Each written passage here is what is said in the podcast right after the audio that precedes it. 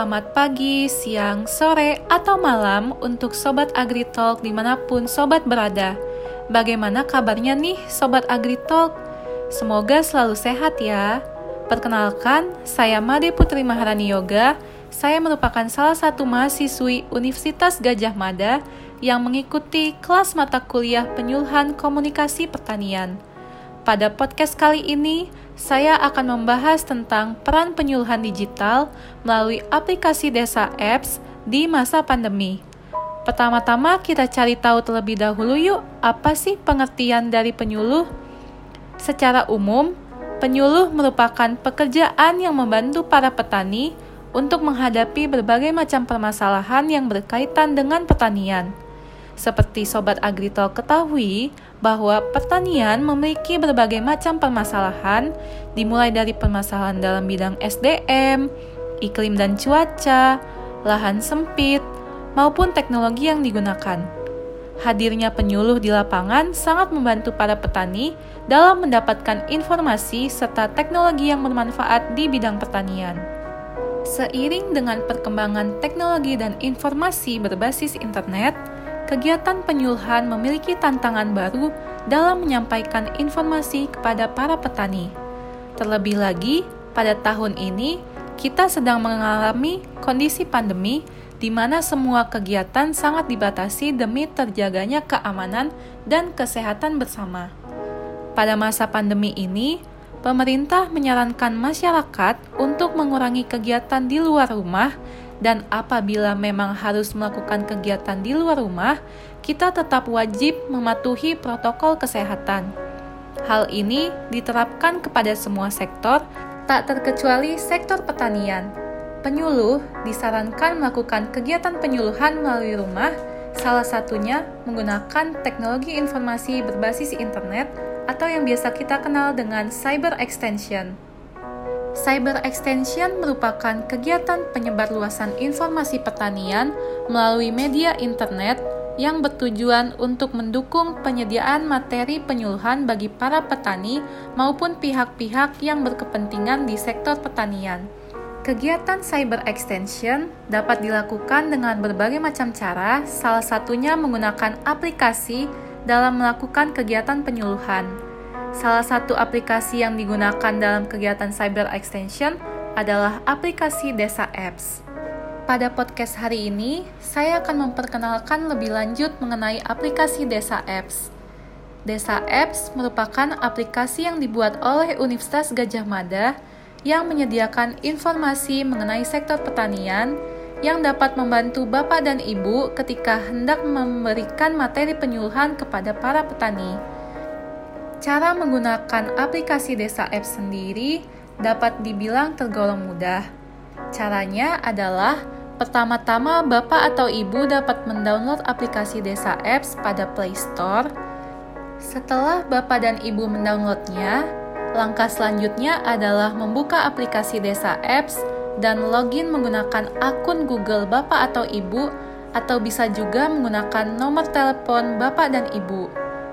Setelah login, Bapak dan Ibu akan mendapatkan kode verifikasi untuk dimasukkan ke aplikasi Desa Apps. Setelah berhasil login, Bapak dan Ibu akan langsung diarahkan ke halaman utama, yakni halaman home, dan di halaman home terdapat menu info cuaca, tanya jawab, info kantor, artikel, info toko, dan pasar. Selain itu, di bagian bawah layar handphone Bapak dan Ibu, lebih tepatnya di sebelah kanan dari home, akan terdapat menu catatan tani, notification, dan profile. Di halaman home, Bapak dan Ibu dapat melihat informasi mengenai hari, tanggal, bulan dan tahun, alamat Bapak dan Ibu, beserta cuaca dan suhu pada hari Bapak dan Ibu mengakses aplikasi, serta informasi mengenai harga komoditas di provinsi Bapak dan Ibu. Pada menu info cuaca, Bapak dan Ibu dapat melihat informasi mengenai cuaca pada provinsi Bapak dan Ibu berada, serta provinsi-provinsi lain yang terdapat di Indonesia. Hal ini dapat dimanfaatkan untuk memberikan informasi kepada para petani mengenai cuaca yang baik dan sesuai untuk melakukan penanaman. Pada menu tanya jawab, Bapak dan Ibu dapat melihat pertanyaan-pertanyaan yang diajukan oleh para petani, penyuluh, dan para pengguna desa apps yang lain. Pada menu ini, Bapak dan Ibu dapat membantu sesama para pengguna desa apps. Pada menu info kantor, Bapak dan Ibu dapat mengakses informasi mengenai lokasi kantor-kantor pertanian dan kontak yang dapat dihubungi. Pada menu artikel, Bapak dan Ibu dapat mengakses artikel yang berkaitan dengan pertanian dan peternakan, sehingga artikel-artikel tersebut dapat dimanfaatkan oleh Bapak dan Ibu penyuluh ketika hendak memberikan informasi kepada para petani dan peternak sesuai dengan permasalahan yang sedang dihadapi. Pada menu info toko, Bapak dan Ibu dapat mengakses informasi mengenai lokasi toko-toko pertanian di provinsi Bapak dan Ibu berada serta provinsi-provinsi lain yang terdapat di Indonesia, beserta kontak yang dapat dihubungi. Pada menu pasar, Bapak dan Ibu dapat melihat harga dari berbagai macam komoditas yang tersedia di pasar sekitar Bapak dan Ibu berada. Pada menu catatan tani, Bapak dan Ibu dapat mengakses catatan para petani yang sedang memulai kegiatan panen atau sedang memulai kegiatan penanaman. Di catatan tani, terdapat informasi mengenai nama komoditas yang sedang dipanen atau ditanam, identitas dari petani tersebut, tanggal mulai, lokasi tanah, luas tanah, serta total dari rincian pengeluaran. Pada menu notifikasi, terdapat informasi terbaru dari admin desa apps. Pada menu profile, Bapak dan Ibu dapat mengakses informasi detail akun dari Bapak dan Ibu. Bapak dan Ibu juga dapat melengkapi akun desa apps di menu profile. Pada era modern ini, sektor pertanian berkembang menjadi pertanian modern, di mana semua kegiatan akan perlahan-lahan menggunakan teknologi, tak terkecuali kegiatan penyuluhan.